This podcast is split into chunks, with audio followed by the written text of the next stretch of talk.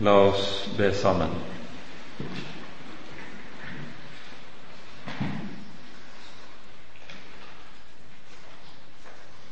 Herre du vår Gud, Herre du vår Far. Deg takker og priser vi for all din nåde og all din miskunnhet. Du ga din egen sønn i vårt sted for å slette ut alle våre misgjerninger og gi oss et evig håp. Takk, Herre, for løftet, løftet om legemets oppstandelse, løftet om nye himler og en ny jord, løftet om din glede. Nå ber vi, Herre, send oss din Hellige Ånd. Gi lys i ordet og stillhet for hva du har å tale, og gjør oss til et folk som venter, som lever i forventningen om ditt komme, Herre Jesus. Velsignet være du som kommer, i Herrens navn. Amen.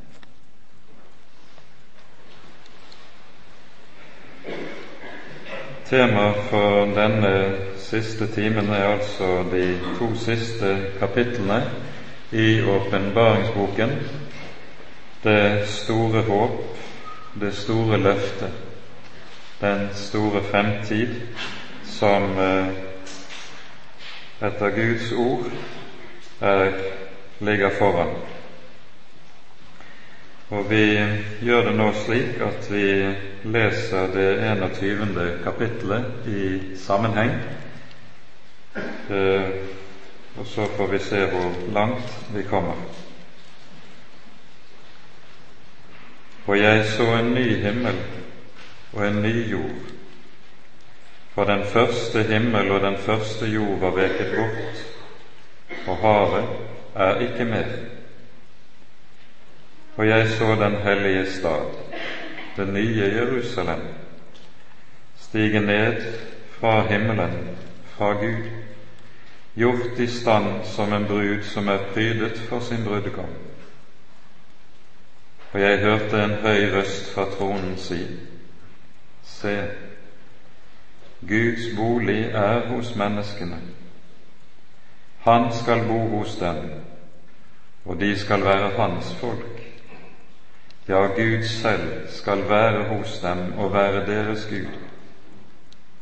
Og han skal tørke bort hver tåre fra deres øyne. Døden skal ikke være mer, og ikke sorg, ikke skrik, ikke pine skal være mer, for de første ting er veket bort. Og han som satt på tronen, sa, Se, jeg gjør alle ting nye. Og han sier til meg, skriv, for disse ord er troverdige og sanne.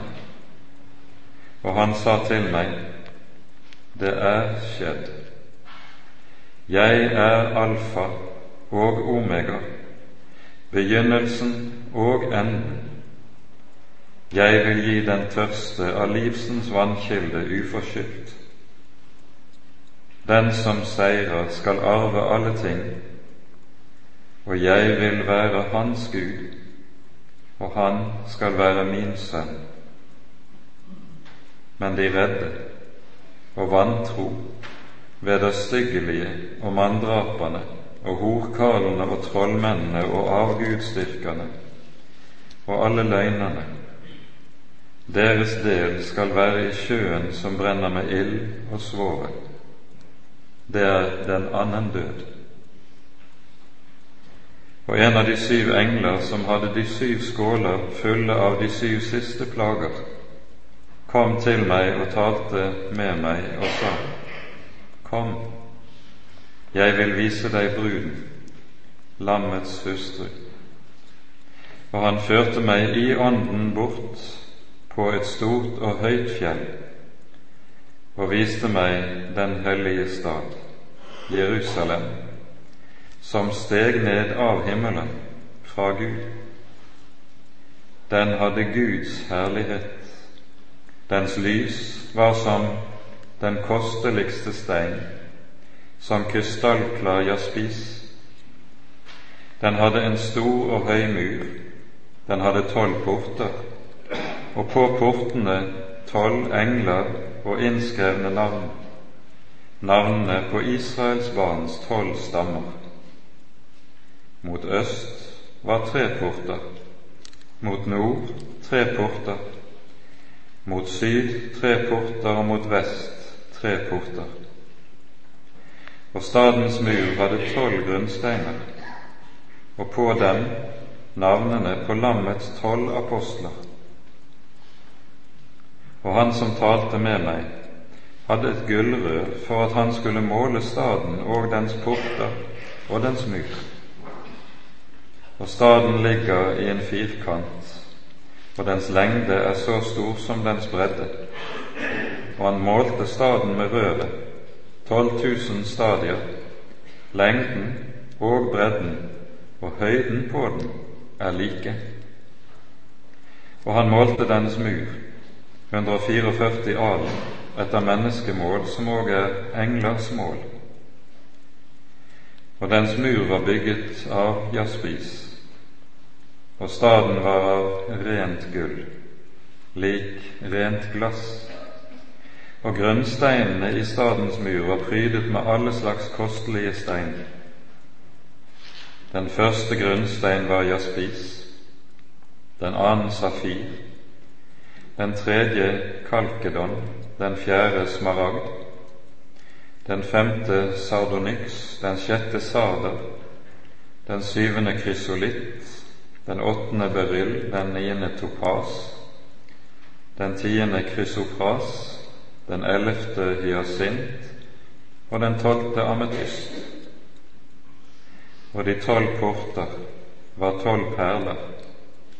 Hver av portene var av én perle, og stadens gate var av rent gull, som klart glass.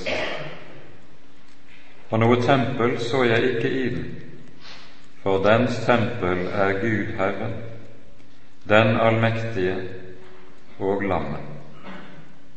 Og staden trenger ikke solen eller månen til å lyse for seg, for Guds herlighet opplyser den, og lammet er dens lys. Og folkeslagene skal vandre i dens lys, og kongene på jorden bærer sin herlighet inn i den. Og dens porter skal aldri lukkes om dagen, for natt skal der ikke være der. Og de skal bære folkeslagenes herlighet og ære inn i den, og intet urent skal komme inn i den, og ingen som farer med stygghet og løgn, men bare de som er innskrevet i livsens bok hos Lammet. Jeg tror vi også leser de fem første versene i det 42. 22. kapittelet. Og han viste meg en elv med livsens vann, som rant klar som krystall ut fra Guds og lammets trone. Mellom stadens gate og elven på begge sider sto livsens tre, som bar frukt tolv ganger og ga sin frukt hver måned og bladene på treet var til legedom for folkene. Og ingen forbannelse skal være mer. Og Guds og lammets trone skal være i den, og hans tjenere skal tjene ham. Og de skal se hans åsyn, og hans navn skal være på deres panner. Natt skal ikke være mer de trenger ikke lys av lampe og lys av sol, for Gud Herren skal lyse over dem, og de skal regjere i all evighet. Og Ånden og bruden sier kom. Ja, kom, Herre Jesus. Med dette er vi inne i det som er det store håp. Vi venter etter Hans løfte nye himler og en ny jord, der rettferdighet bor, skriver Peter i sitt annet brev. La oss derfor vandre i gudfryktighet. Løftet om nye himler og en ny jord svarer til løftet om legemets oppstandelse. For dette er jo noe som er en grunnleggende side ved det kristne håp. At oppstandelsen slett ikke er et blott og bart åndelig faktum, slik at Ånden lever videre. Løftet er at legemet også skal reises opp. En ny kropp skal vi få lov til å motta uten alle de skrøpeligheter som henger ved oss her i verden, her i tiden. Det er dette apostelen Paulus taler så sterkt om i 1. Korinterbrevs 15. kapittel. En glans har solen, en annen månen, en annen stjerne, for den ene stjerne skiller seg fra den annen i glans. Slik er det også med de dødes oppstandelse. Det sås i forgjengelighet. Det oppstår i uforgjengelighet. Det sås i vanære. Det oppstår i herlighet. Det sås i skrøpelighet. Det oppstår i kraft. Det sås et naturlig legeme. Der oppstår et åndelig legeme. Således er det også skrevet det første mennesket, Adam, ble til en levende sjel. Den siste Adam er blitt en levendegjørende ånd. Det første mennesket var av jorden, jordisk. Det annet mennesket er av himmelen. Sådan som den jordiske var, slik er òg de jordiske sådan som den himmelske er, så skal òg de himmelske være. Og like som vi har båret den jordiskes bilde, så skal vi òg bære den himmelskes bilde. Det vi hører i disse tekstene, er hvorledes begynnelsen og enden knyttes sammen hvorledes det Gud skapte mennesket til, tilværelsen, himmel og jord, når det mål Gud har satt for det, blir det den levende Gud hadde tenkt for det fra begynnelsen av. Legemets oppstandelse står der,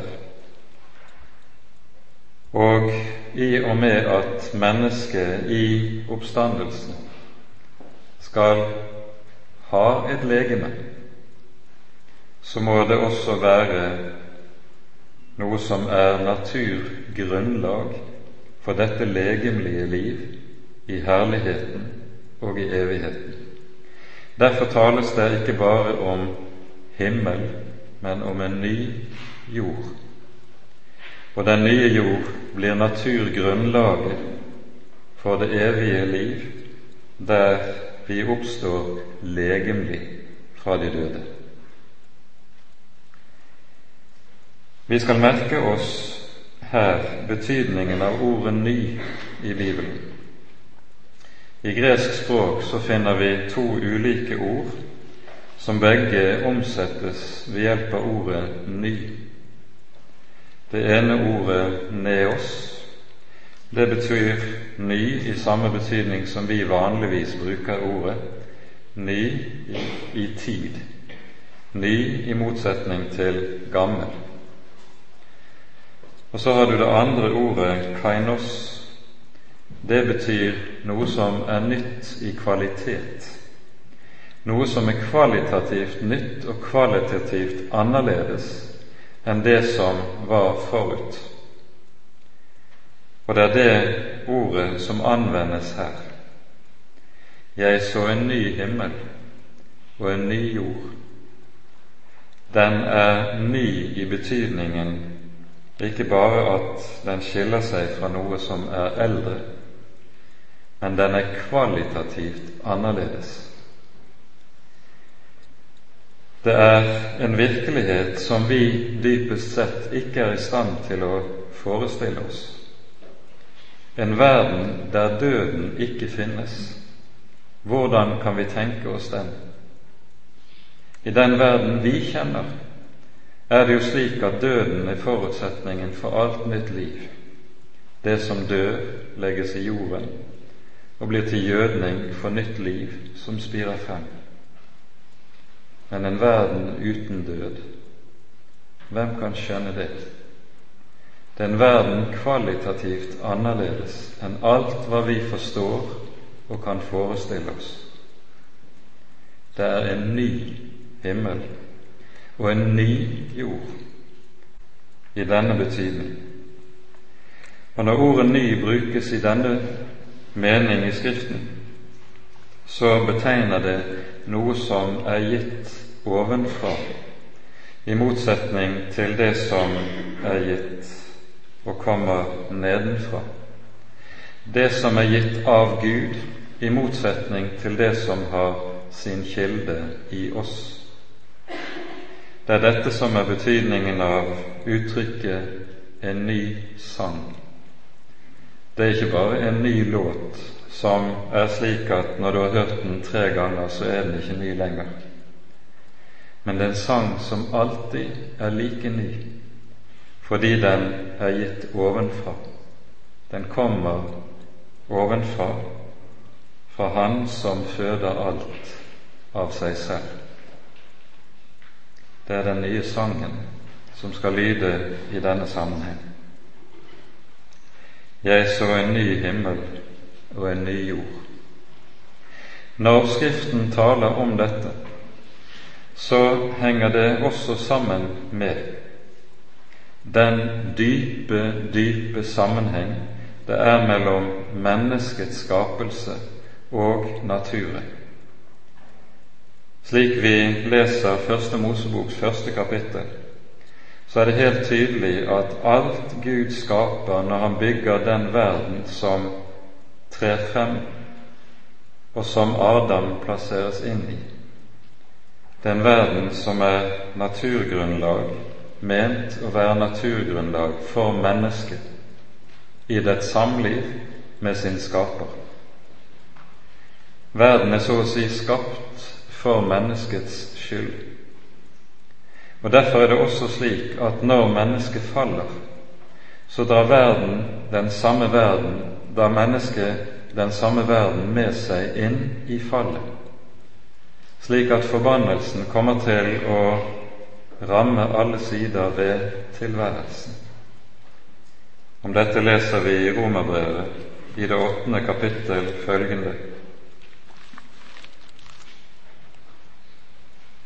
Skapningen lenges og stunder etter Guds barns åpenbarelse Skapningen ble jo lagt under forgjengelighet, ikke godvillig, men etter Hans vilje som la den derunder, i håp om at skapningen skal, også skapningen skal bli frigjort fra forgjengelighetens trelldom til Guds barns herlighetsfrihet.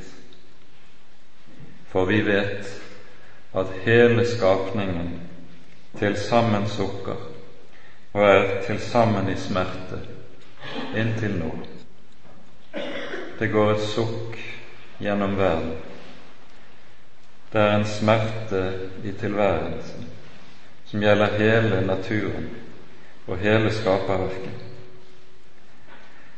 Og dette er også bakgrunnen for at når Skriften taler om Herrens komme, så taler den også om hvorledes ikke bare mennesket skal juble i takk og lovsang, men hele naturen skal stemme i i det samme. Vi leser eksempelvis Salme 96 følgende Si blant hedningene, Herren er blitt konge. Jorderiket står fast, det rokkes ikke. Han dømmer folkene med rettvishet. Himmelen gleder seg, og jorden fryder seg. Havet bruser og det som fyller det. Marken fryder seg, og alt som er på den. Da jubler alle trær i skogen for Herrens åsyn. For Han kommer, Han kommer for å dømme jorden. Han skal dømme jorderiket i rettferdighet og folkene i sin trofasthet. Slik skal skapningens sukk byttes ut med jubel og med lovsang. Nye himler og en ny jord. Slik taler Skriften om dette. Den første himmel og den første jord var veket bort. Og når Skriften bruker uttrykket 'ny', skal vi også være oppmerksom på at den bruker ordet ny i den mest egentlige forstand, i samme betydning som når Jesus taler om at mennesket må bli født på ny for å kunne se himlenes rike. Det nytter ikke, slik Nikodemus og fariseerne tenkte, at bare man riktig tok seg sammen for å oppfylle Guds bud, og forbedret seg selv tilstrekkelig, da kunne en se Guds rike. Du kan ikke forbedre deg selv inn i Guds rike. Der må en ny fødsel og en ny skapning til, noe som er kvalitativt annerledes enn det du er i deg selv. Og det samme skal skje med skaperverket i sin fylde og i sin helhet. Det er ikke en forbedret jord som trer frem. Det er en ny himmel og en ny jord. Og så ser vi det neste som males for våre øyne. Den hellige stad, det nye Jerusalem, stiger ned fra himmelen, fra Gud, gjort i stand og prydet som en brud for sin brudgom To kapittel før hører vi om lammets bryllup som er kommet, og som det er gjort i stand til. Og vi hører litt lenger ute i kapittelet sagt klart hva det nye Jerusalem er. Det er lammets hustru. Det er bruden. Og bruden, det kan vi i parentes bemerke her i åpenbaringsboken, står der som den rake motsetning til det som er det antikristelige rikes kjennetegn. Der er skjøgen innbegrepet på dette rikes karakter. Lammet, lammets hustru, er bruden, jomfruen. Når det sies om bruden, det nye Jerusalem, at det stiger ned fra himmelen, så kan det synes underlig. Bruden er jo en som har vært på jorden. Det er en menighet som har levet på en fallen jord, som er frelst fra den falne jord. Hvorfor kommer hun ned fra himmelen? Jo, med dette understreker bibelteksten det fundamentale som Jesus sier om dem som hører ham til i Johannesevangeliet. I sin ypperste prestlige bønn ber Jesus slik:" Jeg har gitt dem ditt ord, og verden har hatet dem, fordi de ikke er av verden, like som jeg ikke er av verden. og han gjentar det samme to vers senere. De er ikke av verden, like som jeg ikke er av verden. De som hører ham til, er født ovenfra av Gud. Tidligere i Johannesevangeliet hører vi Jesus i diskusjon med fariseerne si dere er nedenfra, jeg er ovenfra. Dere er av denne verden, jeg er ikke av denne verden. Men når han taler om disiplene, de som hører ham til, så sier han de er ikke av denne verden, like som jeg ikke er det. Det er denne brud som er født ovenfra av Kristus selv, og som er Guds eget verk, som her trer frem for våre øyne.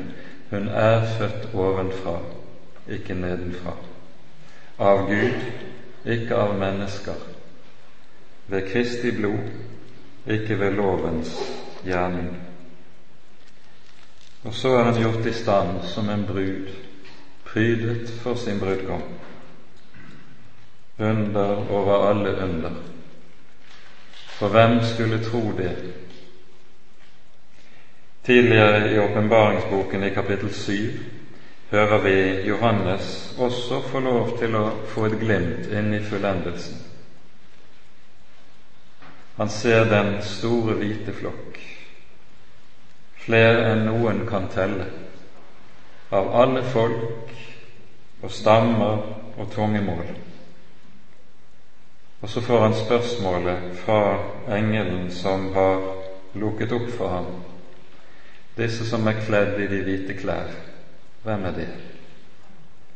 Og Johannes må svare, Herre, du vet det, for han skjønner det ikke.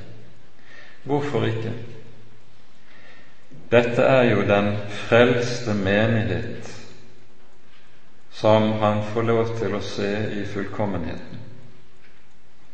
Men hvorledes er den menighet Johannes kjenner, som han har levet iblant i så mange år i Efesus, i Palestina? De var få. De var hjelpeløse. De var fattige. Og han kjente så godt hvor meget synd det også kunne være blant kristne. Og så synes det like som at det er en sånn uendelig avstand mellom den menighet han kjenner i verden, og den han ser i fullendelsen. Det er noe av det samme vi ser her prydet som en brud for sin brudgom. Det hele ser så annerledes ut enn det ser ut her i verden. Og dog, det er den samme menighet, det frelste syndere, som står der kledd i Kristi fullkomne hellighet og rettferdighet, prydet som en brud for sin brudgom. Det er underet. Det er løftet. Og så kommer Guds store erklæring. Jeg hørte en høy røst fra tronen. Det er Gud selv som lar det lyde. Se, Guds bolig er hos menneskene. Han skal bo hos dem og de skal være hans folk. Det som tok sin begynnelse når Ordet ble kjød og tok bolig iblant oss, det er nå fullbyrdet og har nådd sitt mål. Og Dette verset som vi her leser, det er en utleggelse av det, et av navnene som Messias er gitt i Det gamle testamentet. I Jesaja 7 leser vi Se, en jomfru skal bli fruktsommelig og føde en sønn, og hun gir ham navnet Immanuel. Og det navnet er et under. Navnet betyr Gud med oss, Gud hos oss. Og navnet er et under, for når du ser på det som er Israels situasjon når ordet lyder, det er at folket jo har stelt seg slik at det som ville vært rimelig, det som ville vært å vente, var at om Gud trådte inn i verden, så ville han bære navnet Gud mot oss. Men han bærer navnet Gud med oss.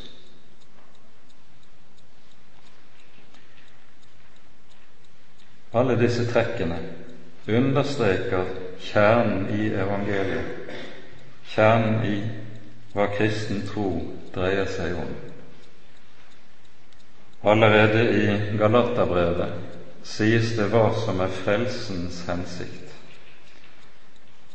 Brevet innledes med følgende ord Nåde være med dere og fred fra Gud vår Far og den Herre Jesus Kristus, Han som ga seg selv for oss, for å fri oss ut av den nåværende onde verden. Så har det nådd målet. Og han skal tørke bort hver tåre av deres øyne.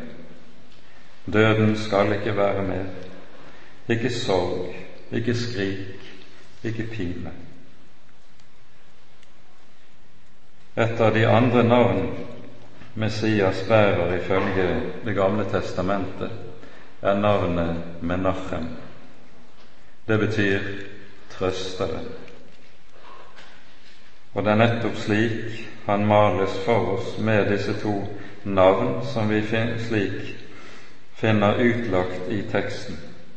Immanuel og Menachem. Gud med oss, trøsteren. Og han som satt på tronen, sa, Se, jeg gjør alle ting nye. Når vi i det følgende får understreket Jeg er alfa og omega, begynnelsen og enden, så ligger det i dette denne minnelse om, som vi var inne på i går, og som åpenbaringsboken jo dreier seg om. Det er en åpenbaring av Jesus Kristus som den første og den siste. Han er alle tings opphav, han er alle tings mål og ende. Og slik er det han nå trer frem for våre øyne i avslutningen av boken. Vi hører også der sies noe om hvem som blir stående utenfor. De redde, de vantro, osv. Deres del er i sjøen som brenner med ild og svovel, og som altså er omtalt i det foregående tyvende kapittel. I parentes bemerker vi i forhold til dette Ilden er i Bibelen det gjennomgående grunnbildet på Guds vrede. Det å tilbringe evigheten i ildsjøen, som det her er tale om, det er å tilbringe evigheten under Guds vrede. Og så advarer Bibelen med så sterke ord om denne sak.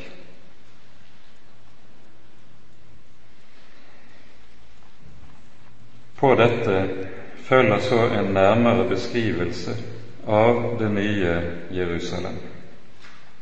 Vi rekker ikke å stanse for alle trekkene ved det vi her leser, men noen viktige trekk må vi peke på. Det første er dette at byen måles opp.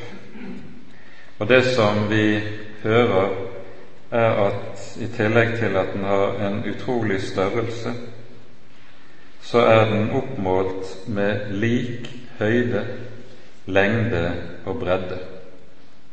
Den er der altså som en kube. Hva er det i Skriften som har en slik form? Det er kun én sak som har en slik utforming, og det er det aller helligste i tempelet. Det aller helligste i tempelet til Salomo, det hadde også det med seg at det var kledd gulv, vegger og tak med gull.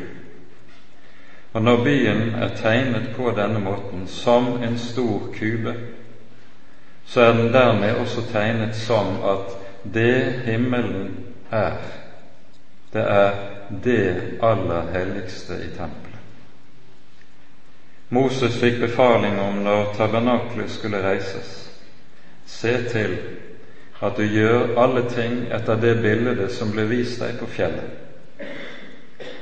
Og så blir det jordiske tempel bildet av den himmelske helligdommen. Og det som kjennetegner det jordiske tempel, er at adgangen inn til det aller helligste var stengt.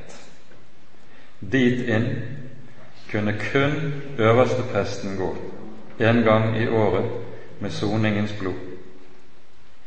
I det aller helligste sto paktens ark med kirubene, som nettopp symboliserte Guds trone. Og innenfor den levende Guds trone kan intet menneske komme. Gud bor i et lys dit intet menneske kan komme eller nå skriver Paulus. Adgangen var stengt. Og Dette var jo anskueliggjort med tempelet i Jerusalem, med at ved forhenget som sperret veien inn til det aller helligste, var det avbildet kjeruber. Og hvem er kjerubene? Det er de engler som vi hører i Første Mosebok tre, etter Adam og Eva var vist ut av hagen, så ble kirubene stilt opp med det luende sverd for å stenge veien. Adgangen til Gud er stengt. Adgangen til himmelen er lukket på grunn av menneskets synd. Når Jesus lider døden på korset, så deles forhenget i to. Nettopp det forhenget der kirubene var avbildet. Noe som anskueliggjøres at nå Nå er den veien som ble stengt ved fallet, nå er den åpnet. Adgangen inn til det aller helligste er ikke lenger lukket. Mennesket kan ha omgang med den levende Gud uten å frykte for døden. Og så er himmelen, herligheten, avbildet som det aller helligste, dit Kristus med sitt eget blod innviet oss en ny og levende vei. Det å bo i det aller helligste er å bo for Guds ansikt det å bo i det aller helligste, det er å få adgang til det usigelige. Det sies i kapittel 22 de skal skue Gud. De skal skue Gud. Det syn som det her i verden er umulig for oss på grunn av synden å ha del i. Da gjelder det Intet menneske kan se Gud og leve. Men der, der skal vi se Ham med det syn som forvandler alt.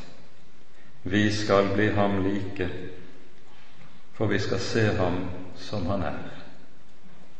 Å bo i det aller helligste er å bo hos Han som er lys, og i hvem det ikke er mørke.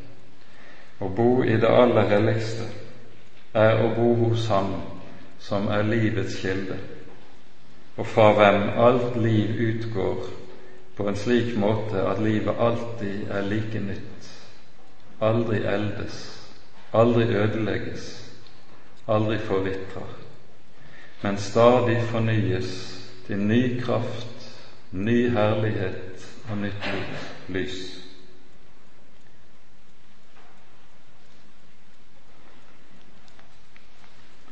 Gud Herren er tempelet og den og lammet, og det trengs intet lys. Det er et håp og en herlighet inn i dette som vi kan ane, men enda ikke gripe, som skal få oss, slik det er malt i Skriften, til å løfte våre hoder i forventning. For der kommer en dag, der kommer en dag der ikke bare jubelen skal lyde fra våre lepper, så sant vi blir bevart hos Jesus til enden, men hvor Skriften sågar sier og taler om Guds jubel. Hos Jesaja står det i kapittel 65. For se, jeg skaper en ny himmel og en ny jord de første ting skal ikke minnes, og ikke mer rinne noen i hu. Men gled og fry dere til evig tid over det jeg skaper, for se, jeg skaper Jerusalem til jubel og dets folk til fryd. Og jeg, Herren, jeg vil juble over Jerusalem og fryde meg i mitt folk og det skal ikke mer høres gråt eller skrik der. Ære være Faderen og Sønnen og Den hellige Mann, som var og er og være skal, en sann Gud, høylovet i evighet. Amen.